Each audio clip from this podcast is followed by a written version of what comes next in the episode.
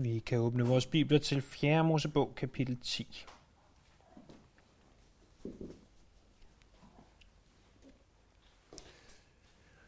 Sidste gang vi var samlet om 4. Mosebog, der sluttede vi med at se på, hvordan at Israel blev guidet, eller skulle guides igennem ørkenen. Jeg kan sige, det var den teoretiske del. At der var en, en sky, der skulle guide dem. En sky, hvor igennem Gud han viste sig. Han viste, hvornår de skulle bryde op, og hvornår de skulle flytte lejr. Men selvom teori er ganske så vigtigt, hvordan skulle det så rent praktisk foregå? Hvad, hvad så, når nu at de skulle afsted? Hvad, hvad skulle der så ske? Hvordan skulle de gøre det? Kapitel 10, det er faktisk, selvom det måske kan virke som en masse øh, gentagelse, som øh, noget, som umiddelbart virker relativt irrelevant, så er det meget praktisk. Og vi ser måske som det vigtigste, at når de skulle bryde op, så skulle det ske sømmeligt, eller i god ro og orden. Øh, det skulle ikke være en masse forvirring. Og måden, hvorpå de skulle komme afsted, var ved at lytte efter nogle trompeter. Så prøv at se her, hvad der står i vers 1 af kapitel 10, 4. Mosebog. Herren talte til Moses og sagde, Lav to sølvtrompeter.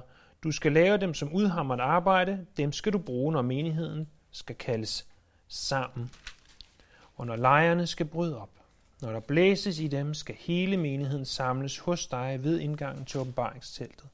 Hvis der kun blæses i den ene, skal høvdingene, overhovederne for Israels stammer samles hos dig. Når der blæses i alarmsignalet, skal lejerne, der ligger mod øst, bryde op. Når I blæser alarmsignalet anden gang, skal lejerne, der ligger mod syd, bryde op. Der skal blæses alarmsignal, når de skal bryde op. Når forsamlingen skal kaldes sammen, skal I blæse i dem, men ikke blæse alarmsignalet. Præsterne, Arons sønner, skal blæse i trompeterne. Der skal være en eviggyldig ordning for jer slægt efter slægt. Når I går i krig i jeres land mod en fjende, der angriber jer, skal I blæse alarmsignalet i trompeterne, så vil Herren jeres Gud blive mindet om jer, og I vil blive frelst fra jeres fjender. Men på jeres glædesdag, jeres fester og jeres nymånedage skal I blæse i trompeterne, når I bringer jeres brandoffer og jeres måltidsoffer. Det skal bringe jer i erindring for jeres Gud.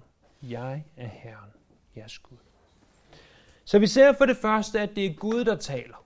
Jeg er Herren, jeres Gud, siger han. Der står, at Herren talte til Moses og sagde, og, og så siger han alt det her. Det her det er ord direkte ud af Guds mund. Og hvad er det så, han siger? Han siger, at de skal lave to sølv trompeter. Øh, de her sølvtrompeter, det er ikke fordi vi ved voldsomt meget om dem, men vi ved lidt om dem. De skulle laves af udhamret arbejde, det vil sige, de skulle ikke være støbt, de skulle ganske simpelt tage et stykke metal, og de skulle hamre på det, indtil det blev til de her trompeter. Jeg ved ikke, hvordan de gjorde, men de gjorde det. Altså på en eller anden måde. Ifølge den jødiske historiker Josefus, der var trompeterne kun omkring 45 cm lange, hvilket jo ikke er voldsomt langt for, for en trompet, men cirka 45 cm lange, siger han, og på Titusbuen i Rom, som man jo stadigvæk kan se, øh, er der afbildet de her trompeter øh, fra jøderne, og Titusbuen viser blandt andet øh, ødelæggelsen af Jerusalem og ting fra jødernes tid, så derfor så kan man se noget, der minder om de her trompeter. Der er ikke at forveksle med den klassiske shofar, som er det her horn, som man relativt tit ser afbildet, hvor det sådan kører kroget og fra en vædder, og de blæser i det, det har sådan en meget karakteristisk lyd. Det er ikke den form for horn, der er tale om her. Der er mere tale om en klassisk trompet, som vi kender det, dog en relativt lige trompet, der selvfølgelig munder ud til sidst for at give noget mere lyd. Øh, den har en klarere og mere gennemtrængende tone end shofaren, og i Tutankhamons grav øh, i Ægypten, der har man fundet trompeter, der minder ganske meget om de her, øh, som man mener, de har set ud. Øh, man mener også, at de trompeter dengang kunne spille i fire toner, øh, hvilket ved jeg ikke, men fire toner, og der var ikke nogen former for mundstykker. Og så var der altså derved rimelig begrænsede muligheder. Deres formål var mere eller mindre tofoldt. Den ene var at kalde menigheden sammen. Den anden var at give besked, når der skulle brydes op. Så det var, det var de ting, som de her trompeter skulle.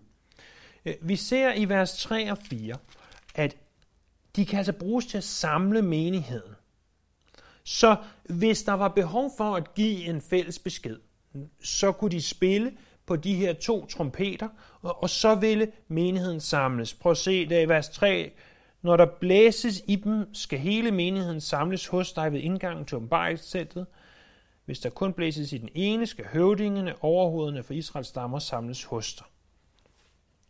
Så hvis der blæses i en, så øh, skulle høvdingene altså, eller lederne samles, og hvis det var i dem begge, så var det hele folket. Ja, det der ligesom er tanken.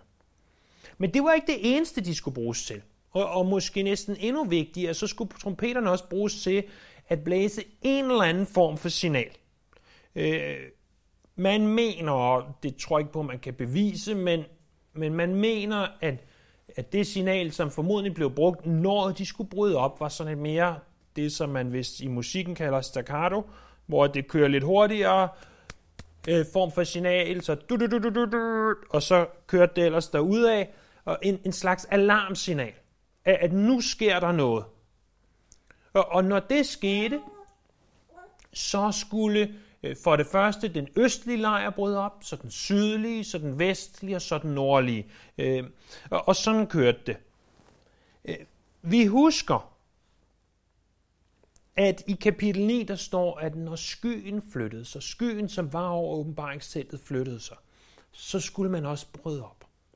Men, men forestil jer bare, hvad der, hvad der vil ske.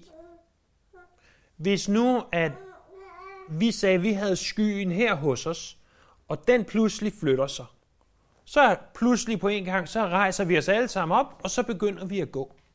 Nu er vi ikke voldsomt mange til samlet her, men lad os tage et andet eksempel. Der udbryder pludselig brand i det ene hjørne. Hvad gør vi? Vi styrter alle sammen efter døren. Og vi sidder alle sammen fast i døren, øh, fordi vi vil alle sammen igennem døren på en gang. Hvad vil være en bedre plan? Det vil være at sige, skynd sig at sige, nu tager I, går ud igennem døren, så tager I og går ud igennem døren. Jeg ved godt, at det i en nødsituation er svært at gøre sådan, men det vil være en klart bedre plan, for så vil alle nå ud. Og det er lidt det samme, vi ser her. Der er det bare ikke en nødsituation. Men der sker noget, hvor vi siger, at alle har deres blik festet på den her sky. Skyen flytter sig. Hvis alle 12 stammer på én gang så åh, oh, det er nu. Vi pakker sammen og er klar til at gå og begynder at gå, så vil der opstå et totalt kaos. Og det ønskede Gud ikke. Så han giver dem en anordning, der siger, når skyen flytter sig, så holder præsterne øje med det, og de blæser i trompeterne på den her bestemte måde, og når I hører det første gang, så rejser østlejren, anden gang rejser sydlejren osv. Hvorfor? Fordi vores Gud står der i 1. Korinther 14, 32 og 33, øh, en opsummering af det, er, at Gud er ikke forvirringens Gud, men en fredens Gud. Og hvis du ser en masse forvirring, så er det ikke Gud. Hvis du slet ikke kan følge med i, hvad der foregår, og det bare kører over det hele, og folk løber rundt som forvirret. Og, og nu taler jeg ikke engang bare om fysisk, nu taler jeg også bare om, hvad de siger og så videre. Så er det ikke Gud, for Gud er ikke forvirringens Gud. Han ønsker ikke at forvirre os. Han ønsker, at alt skal foregå i god ro og orden. Og forvirring, det er noget, som Satan kommer med. Det er ikke noget, som Gud kommer med.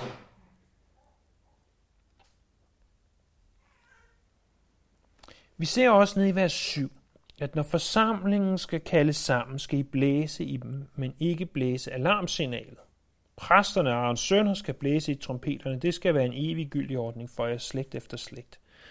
Så der var også et alarmsignal til specielle lejligheder. Det var præsterne, der skulle foretage blæsning, og det skulle være en eviggyldig ordning.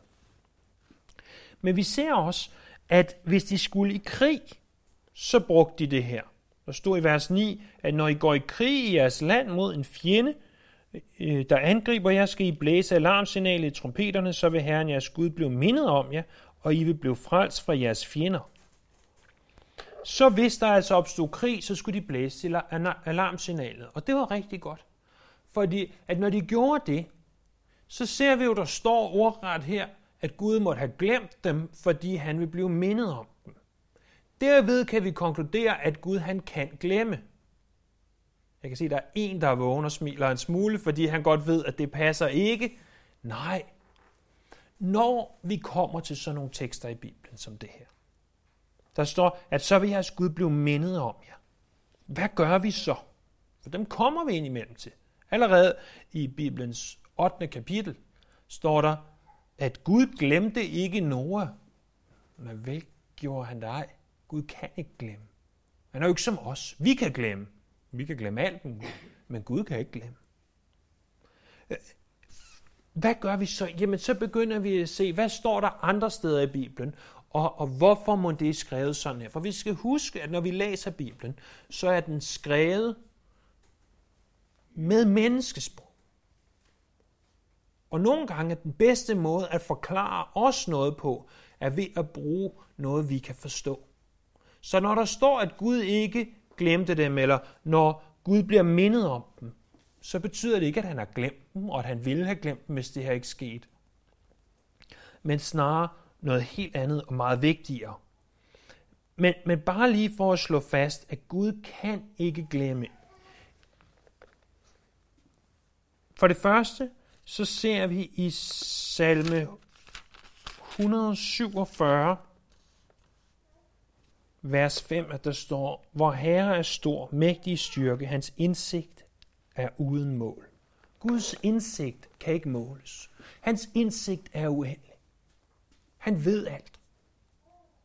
Og det er jo på en gang både ganske, ganske skræmmende, men på den anden side også ganske, ganske betryggende. Han ved, hvad du sidder og tænker på lige nu. Men han ved også, hvordan du har det lige nu. Han ved, hvad du frygter. Han ved, hvad du bekymrer dig om. Han ved også, hvilke syndige tanker du har. Og, og som en, der hed Charnock, har skrevet i sin temmelig store tykke bog, Existence and Attributes, at der skriver han, at Gud ser alt på en gang. Han ser og ved alt på en gang. Det er ved ordet, ved Bibelens ord, at han er dommer over vores tanker og vores meninger, og i salme 139 beder salmisten om at rensage mig og kende mit hjerte. Gud ved alt det her. Så når alarmsignalet blæser, når der er krig, må det sørge for, at Gud ikke skal glemme dem, eller er det for, at de ikke skal glemme, at Gud ikke glemmer dem? Jeg tror det sidste. Og hvor vigtigt for os at blive mindet om, at Gud ikke glemmer os. Og, og jeg ved ikke, hvad der skal til i dit liv. Om du skal have et alarmsignal, der minder dig om, at Gud ikke glemmer dig. Om det er et skilt på væggen, eller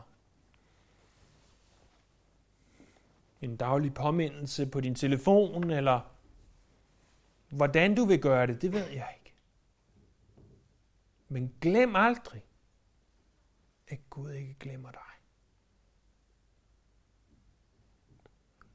Og en af grundene til, at vi kommer til Guds tjeneste, er for at blive mindet om, at Gud ikke glemmer os. At når jeg står her, og undskyld mig udtrykket, trutter, så er det for, at vi må huske på, at Gud ikke glemmer os.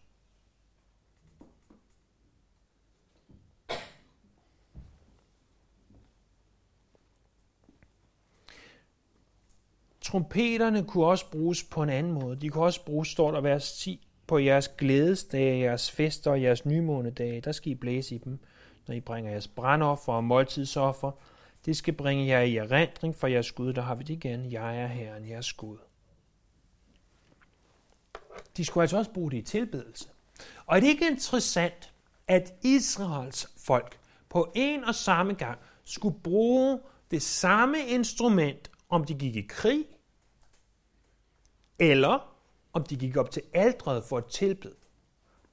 Det minder mig om, at Israel er herskers herres her. Og uden jeg, og det kan godt være, at der er en direkte parallel til os, uden at jeg har fundet den direkte parallel, så bare indse, at, at Israels folk var i hvert fald sam, øh, herskers herres her, og det samme instrument, de brugte til at tilbede, og det samme instrument, de brugte i krig. Og nu tror jeg, at jeg fik parallellen. At, at, at Bibelens ord er jo det samme, vi bruger til at tilbede Herren, men det er også sådan, at vi kæmper krigen øh, imod øh, djævelens åndemagt. At det er der, vi læser om, hvor fantastisk Gud er, men det er også med ord, at vi kæmper imod Satan.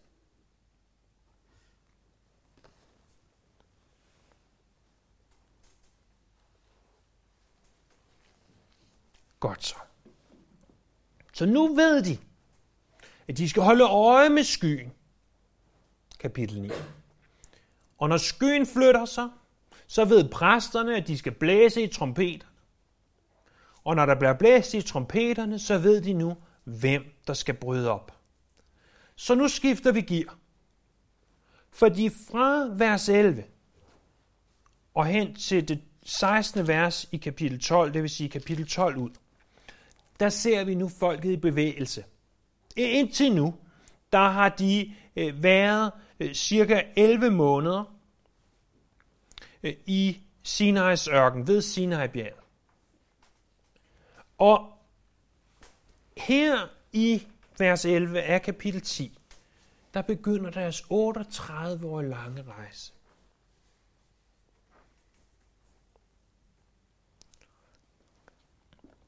Spørgsmål. Og her må alle gerne gætte med. Hvor lang tid tror I, ifølge Bibelen selv, at det tager at rejse fra Ægypten, hvor de var, til indgangsportalen til det hellige land. Hvor lang tid ville det tage, hvis man rejste sådan, som Bibelen for, sådan siger, det kunne have taget? En måned, det vil sige 30 dage, 5 dage.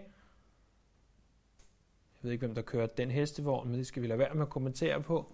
5 dage har vi, en måned. Bibelen siger, at det tager 11 dage fra øh, Sinai til Kadesh Barnea. Det er ifølge 5. Mosebog, kapitel 1, vers 2. 11 dage. De brugte ja, i princippet 40 år. Jeg ved ikke, hvem der har vist vej. Det ved jeg godt, men øh, man kunne måske have anklaget nogen for ikke at kunne vise vej, for det var jo Gud, der viste dem vej. Men det er jo helt vildt. Det er jo væsentligt længere, end det burde have taget. Det er 13 måneder siden, at de gik ud fra Ægypten, og de var altså to måneder om at komme til Sinai's bjerg, og så har de været der i 11 måneder. Og vers, øh, vers 11 og, øh, fortæller os, at i det andet år, på den 20. dag, i den anden måned, løftede skyen sig fra vidnesbyrdets bolig. Og der brød israelitterne op fra Sinai's ørken, og de drog videre fra sted til sted, og skyen lagde sig over Parans ørken. Så jeg kan så godt lide at prøve på at forestille mig de her ting. Prøv at forestille jer, hvis I også kan lide det her, så ellers lad være. Prøv at forestille jer, at, at I var israelitter. Og, og når jeg siger israelitterne, så siger jeg jo ikke kun de her 600.000 våbenklare mænd. Så siger jeg også alle kvinderne. Alle de gravide kvinder. Og jeg siger også alle børnene. Dem alle sammen. Alle op imod 2 millioner, måske mere mennesker, som var samlet her i ørkenen. De har været der i 11 måneder, og pludselig ser de skyen bevæge sig. Pludselig hører de trompetens klang. Og det er tid til at forlade Sinai's bjerg Og hvis I husker lidt af, hvad der skete på Sinai's bjerg, så må det alligevel også være med blandede følelser. Fordi på den ene side, så var det jo der, at de fik de 10 bud. Gud viste sig for dem. På den anden side, så var det der, de lavede guldkalven og så videre. Men nu var det tid til at rejse ud. Du skulle pakke dine ting sammen, sikkert relativt hurtigt. Du havde ikke så meget, så det gjorde ikke noget, men så var det tid til at komme afsted. Og så drager du fra sted til sted. Og din guide, ja, det er en skysøjle om dagen og en ildsøjle om natten. Du må gøre, hvad den siger. Og så læser vi videre i vers 13. Da de første gang brød op på Herrens befaling ved Moses, var judæernes fane her den første, der brød op. Herreafdeling for herreafdeling. Nakshon, Abinadabs søn, stod i spidsen for Judas herreafdeling. Netanel, Suras søn, stod i spidsen for Isakars stammernes herreafdeling. Og Eliab, Helons søn, stod i spidsen for Sebulons stammens herreafdeling. Så i vers 13-16, der husker vi for det første, at Abraham fik Isak, Isak fik Jakob, Jakob fik et nyt navn, der var Israel, og Israel fik 12 sønner. Og de 12 sønner blev til Israels 12 stammer, og de 12 stammer blev inddelt i fire grupperinger. Og af hver af de fire grupperinger var der en af stammerne, der var den fremtrædende. Øh, de stammer, som boede øst for tabernaklet, var ledt af Juda. Det under også Isakar og Sebulons stamme, og det her, det er fjerde og sidste gang, at vi ser, hvem det er, der er leder over de her stammer på det her tidspunkt. Det sidste gang, de nævnes. Det er lejren mod øst. Og de er de første, der brød op. Det næste, der sker, det ser vi så i vers 17. Da boligen var taget ned, brød gershonitterne og meritterne op. Det var dem, der bar boligen. Øh, så nu husker vi yderligere, at for nogle kapitler siden, der så vi, hvordan at den ene af Israels 12 stammer, nemlig hvilken stamme? Levis stamme, var inddelt i tre familier, og, og de tre familier havde hver nogle opgaver. En havde opgaven med øh, alt det af træ, de skulle bære alt det af træ fra tabernaklet. En familie skulle bære alt det stof for tabernaklet, og en familie skulle bære alt det hellige. Det er sådan meget grovt skitseret. I kan se det i tidligere kapitel. Og det ser vi her. Og det var gashonitterne, de skulle tage det stof, og meritterne skulle tage det træ. Og de tager så, efter at øst øh, hæren, eller hvad vi kan sige, øst, den østlige lejr er brudt op, så tager de altså boligen ned og, og begynder at bære videre på det her. I vers 18-20 ser vi så, at derpå brød Rubens fane herop. Herreafdeling for herreafdeling, e- Elisur, Shidaurs søn stod i spidsen for Rubens herreafdeling. Shelomil, Shorishadais søn, stod i spidsen for Simeons stammens herreafdeling, og Eliasaf, Deuels søn, stod i spidsen for Gadstammens herreafdeling. Så det er altså dem, der bor imod syd. De er ledt af Ruben, og der er Simeon, og der er Gad. Vi læser videre. I vers 21, derpå brød kehatitterne op. Det var dem, der bar de hellige ting, og før de nåede frem, havde man rejst boligen.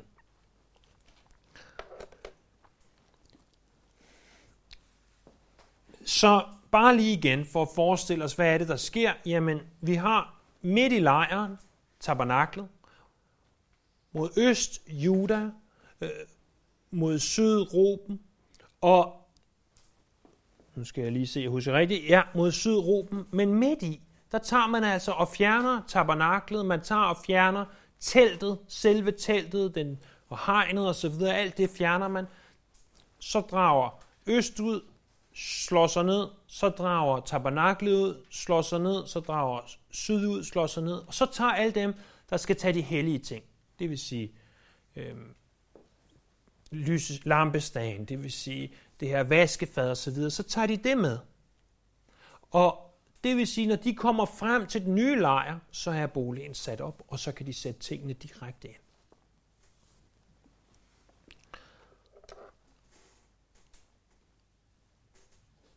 Vers 22 til 24, ser vi, at derpå brød Eframitternes fane herop. Herreafdeling for herreafdeling.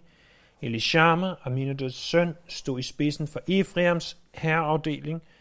Gamliel, Pedasurs søn, stod i spidsen for Manasses stammens herreafdeling, og Abidan, Gideonis søn, stod i spidsen for Benjam, øh, Benjamin stammens herreafdeling. Det er altså Ephraim, Manasse og Benjamin. Ephraim og Manasse, her har vi et nyt spørgsmål, var søn af hvem? Josef, det er rigtigt. Og de blev til to stammer, øh, til hver sin stamme, og øh, de var øh, de her tre stammer til sammen, Ephraim, Manasse og Benjamin, var altså efterkommerne af, vi kan nok tillade os at sige, Jakobs yndlingshustru, hustru, øh, Rakel. Så de kører under ledelse af Efriam og er beliggende mod vest. Og til sidst ser vi så, at i vers 25 står der, at derpå brød danitternes fane her op som bagtrop, herreafdeling for herreafdeling, Akieser, Amine, Haddais søn stod i spidsen for dans herreafdeling, Pergil, Ogrens søn stod i spidsen for Asherstammens herreafdeling, Rakias, en af hans søn, stod i spidsen for Naftali sammens herreafdeling. Og det er altså den sidste gruppering, dem der bor mod nord, ledt af Dan stamme, det er Dan, det er Asher, det er Naftali. Og så ser vi videre i vers 28, at sådan brød israelitterne op på deres vandringer, herreafdeling for herreafdeling. De brød op herreafdeling for herreafdeling. Med andre ord, det skete disciplineret. I år 1957, det er rigtig mange år siden snart, det er så mange år siden, så jeg våger påstå, at ikke nogen af os var født på det tidspunkt, uden øh, helt at have styr på det, men det tror jeg ikke. Øh, der var der en prædikant, som de fleste af nok har hørt navnet på før. Han hed Billy Graham. Mod slutningen af sit liv kunne man mene om Billy Graham, hvad man ville. Øh, det kunne man ikke, men det gjorde mange. Og han sagde ting, der måske ikke lige var så gode, som det han havde sagt tidligere i sit liv. Det er ikke det, vi skal tale om. Vi skal tale om, hvad han sagde i 1957. Der holdt han en prædiken i New York, der hed How to Live the Christian Life. Altså, hvordan skal man leve det kristne liv? Og han talte om, om forskellige ting. Han talte selvfølgelig om, at hvis man skal leve det kristne liv, skal man gå i kirke, og man skal læse sit bibel, og man skal bede. Og så, så nævner han en ting, som jeg tror, i hvert fald da jeg hørte det øh, en gang, det nogen vil kalde tilfældigt på YouTube, virkelig næsten chokerede mig. Han siger, hvis du, og på den måde han nu siger det, hvis du vil leve det kristne liv, så skal du leve et disciplineret liv. Tak skal du have. Hvad snakker han om? Så siger han, prøv at tænk på, hvordan skriften taler om, at den kristne er en blandt andet en soldat, en idrætsudøver, hvordan igen og igen udtryk som det at kæmpe, at løbe, at arbejde osv., det bruges om den kristne. Han siger, at vi som kristne skal leve et disciplineret liv, betyder, at vi tænker over, hvad vores øjne ser, hvad vi bruger vores tid på, hvordan vi påvirker vores læmer. Og, og jeg tænker, nu er det jo ikke så mange år siden, at Billy Graham døde, men hvis han var her i dag, eller endnu værre, hvis, hvis han siger at i 1957, at der er ikke så mange kristne, der lever et disciplineret liv, så prøv at tænke på, hvad han måtte have tænkt om kristne i år 2019. Det, det er jo ikke noget, vi bryder os om at tale om, fordi de fleste af os skuer det os jo imod hårene og skulle leve et disciplineret liv. Der er jo ikke så mange af os, der synes, det er det fedeste at springe ud af sengen om morgenen og gå ud og, hvis vi taler disciplineret i andre sammenhæng, gå ud og løbe 10-20 kilometer og gå hjem og spise øh, tre æg og, og drikke en liter mælk. Og, øh, øh den måde er der ikke så mange af os i hvert fald, der synes, det er bare fantastisk. Det er jo en måde at leve disciplineret på. Og grund til, at vi jo ikke synes, at det, det er sådan, jeg har i hvert fald ikke, jeg har jo selvfølgelig ikke talt for jer, jeg har ikke vil synes, at det var den sjoveste måde at leve på. Det er jo fordi, jeg helst vil have det, der er rart og behageligt.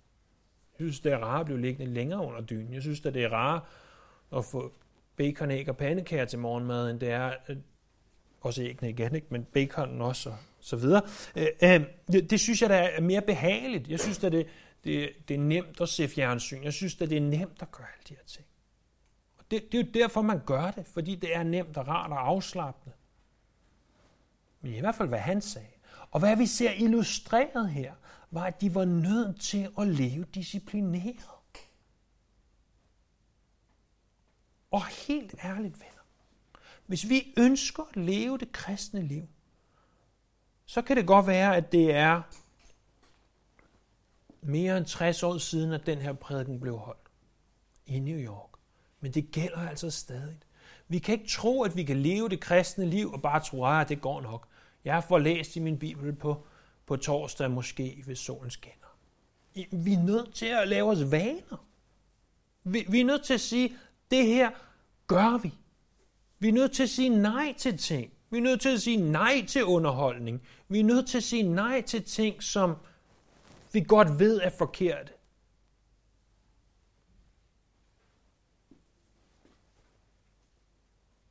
Hvis vi vil leve det kristne liv. Det var det, han sagde.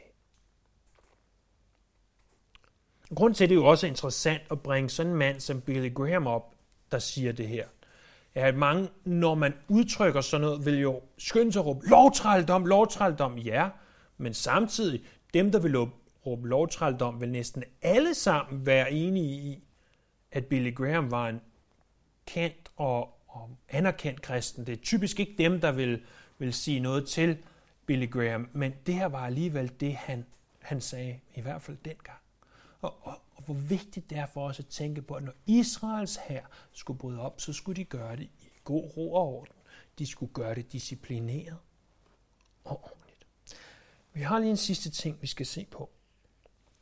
I vers 29-36. Her står der, at Moses sagde til Hobab, søn af Midjanitten Reuel, der var Moses svigerfar. Vi bryder nu op og drager til det sted, som Herren har sagt, han vil give os. Gå med os, vi vil belønne dig rigeligt, for Herren har givet Israel rige løfter. Så Moses havde en kone, Sipor, og Sipor havde en far, Reuel, eller også kendt som Jethro. Og Jethro havde altså en anden, øh, havde en søn, der hed Hobab. Og Hobab var med dem ved Sinais bjerg. Og Moses siger så til Hobab, svoger, svoger, drag med os. Vi er alligevel et familieforetagende, og øh, du kan, du kan lige så godt komme med os, og vi drager til det her land, som Gud har lovet os. Du vil blive belønnet rigeligt.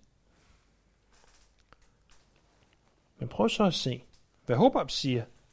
Vers 30, han svarer, nej, jeg vil vende tilbage til mit land og min slægt. Moses sagde til ham, du må ikke forlade os. Du ved jo, hvor vi kan slå lejr i ørkenen.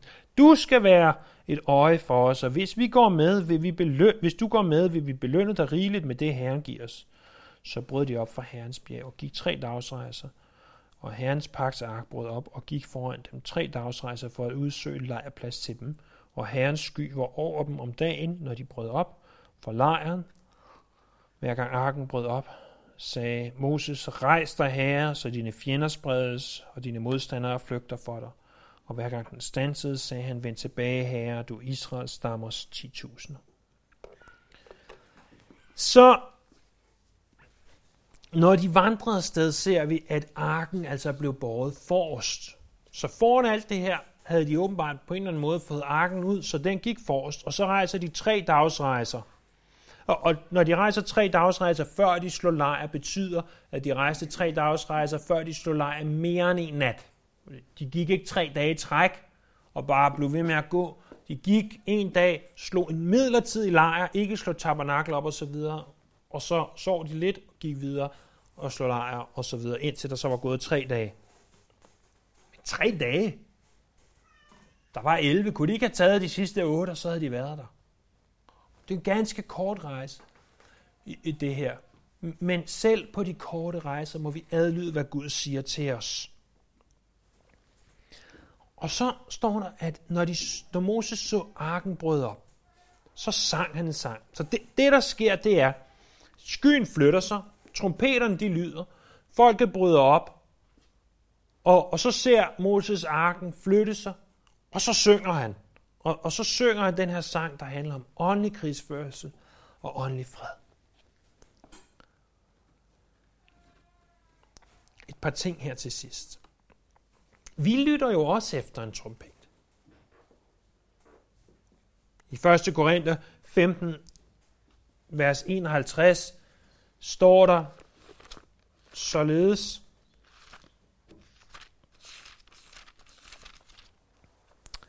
at men det siger jeg, brødre, kød og blod skal ikke grave Guds rige, og det forgængelige arver ikke det uforgængelige. Se, jeg siger en hemmelighed. Vi skal ikke alle sove hen, men forvandles i et nu.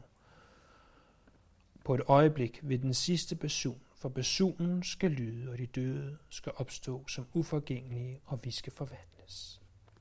Vi lytter efter den sidste person. Den person, hvor Jesus kalder os hjem. Hvor vi bliver bortrykket til ham i skyen.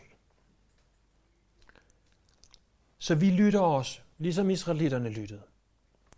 Og, og så en anden lille pussy ting. Det var, i mange af jer har formodentlig hørt navnet Spurgeon før.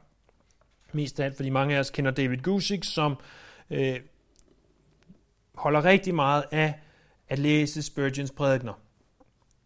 Øh, Spurgeon levede i midten af 1800-tallet, og da han begyndte som cirka 20-årig i, i den her rimelig øh, anerkendte større kirke, øh, som lynhurtigt voksede sig kæmpestor, så Øh, begyndte de at printe hans prædikner, og, og de blev ligesom delt rundt og solgt og så videre. Og så skulle de flytte kirkebygning.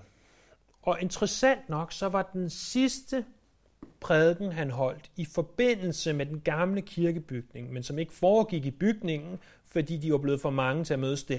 Så det foregik i Exeter Hall. Den holdt han den 31. marts 1861 om morgenen, den her prædiken. Det, det var altså den sidste, han holdt det, i forbindelse med det, der hedder New Park Street Pulpit. Og den holdt han over vers 35. Han, han tog som regel et vers, og så udlagde han det ene vers. Og så hørte man ikke så meget om resten af kapitlet, øh, måske to-tre vers, men, men højst det. Og, og der står det her, rejs dig herre, så dine fjender spredes, og dine modstandere flygter for dig. Han havde tre pointer. Specielt de to af dem er vigtige for os. Øh, jeg anser de to af dem vigtige for os. Det kan godt være, at den tredje også er vigtig. Det anser jeg bare ikke for så vigtig. Øh, han siger, at da Jesus opstod, så blev fjenderne spredt, og hans modstandere måtte flygte. Det er hans ene pointe. Den anden pointe, som jeg vil øh, minde os om, det er en, som har mere en personlig karakter, for de stod jo for at bryde op. New Park Street Pulpit, Exeter Hall og alt det her, de skulle videre til The Metropolitan Tabernacle, og om den samme aften øh, var de i Metropolitan Tabernacle. Så han taler om, at kristne rejser ud. At indimellem må vi som kristne rejse ud. Det kan være, at vi flytter til en ny del af landet, eller til et nyt land, eller, eller hvor vi flytter til, eller en ny menighed, eller hvad vi nu gør. Men så siger han, i deres tilfælde var det en ny, kirkebygning, de flyttede til. Men vi må huske, at når vi rejser os, når Herren rejser sig, og vi går med, så går fjenderne desværre også med, siger han. Og Spurgeon begynder at tale om de fjender, der er, blandt andet åbenbart den katolske præst ned ad gaden, sagde han, og, og flere forskellige andre, som han vidste ville give dem store, store problemer. Og, og så siger han, men må Herren sprede de fjender. Må Herren hjælpe os med, at de fjender, som opstår, når, vi, når Herren kalder os til et nyt sted, og fjenderne kommer med, og, og fjenderne prøver at, at ødelægge os de steder, må Herren hjælpe os, så de ikke får fodfæste. Jeg synes, at det var, det var en interessant tanke, at det lige nøjagtigt var den sidste prædiken der, og det var det vers, han talte om, så kan I tage det for, for hvad I ved. Altså, 4. Mosebog kapitel 10. Trompeterne bliver lavet, for at der skal være ro. God ro og orden, at det skal ske i ikke forvirring, men i orden. Og når de bryder op, bryder de op igen i god ro og orden, i hvert fald sådan tilnærmelsesvis, men vigtigst af alt, så bryder de op herreafdeling for herreafdeling, ganske disciplineret. Og så til sidst så vi på ham med Hobab, som, øh, og i øvrigt, det glemte jeg at nævne, i øvrigt ser det ud til fra dommerbogen, at han endte med at gå med dem alligevel, for vi læser om ham i dommerbogen. Så formodentlig endte Hobab, altså svoger, med at drage med dem rundt, og øh, ham, eller han, i hvert fald hans efterkommere, kom ind i Kanaans land. Lad os bede. Herre, vi takker dig for dit ord til os i aften. Må du tage det, som, som er for dig, og indskrive på vores hjerter, og det, som var ligegyldigt og nyttesløst, at fjerne det her. Må vi øh, drage nær til dig, feste vores blik på dig. Jesus, vi ønsker altid at huske dig i alt det her. For ultimativt så handler det om, at vi drager nær til dig. Vi tilbeder dig. Amen.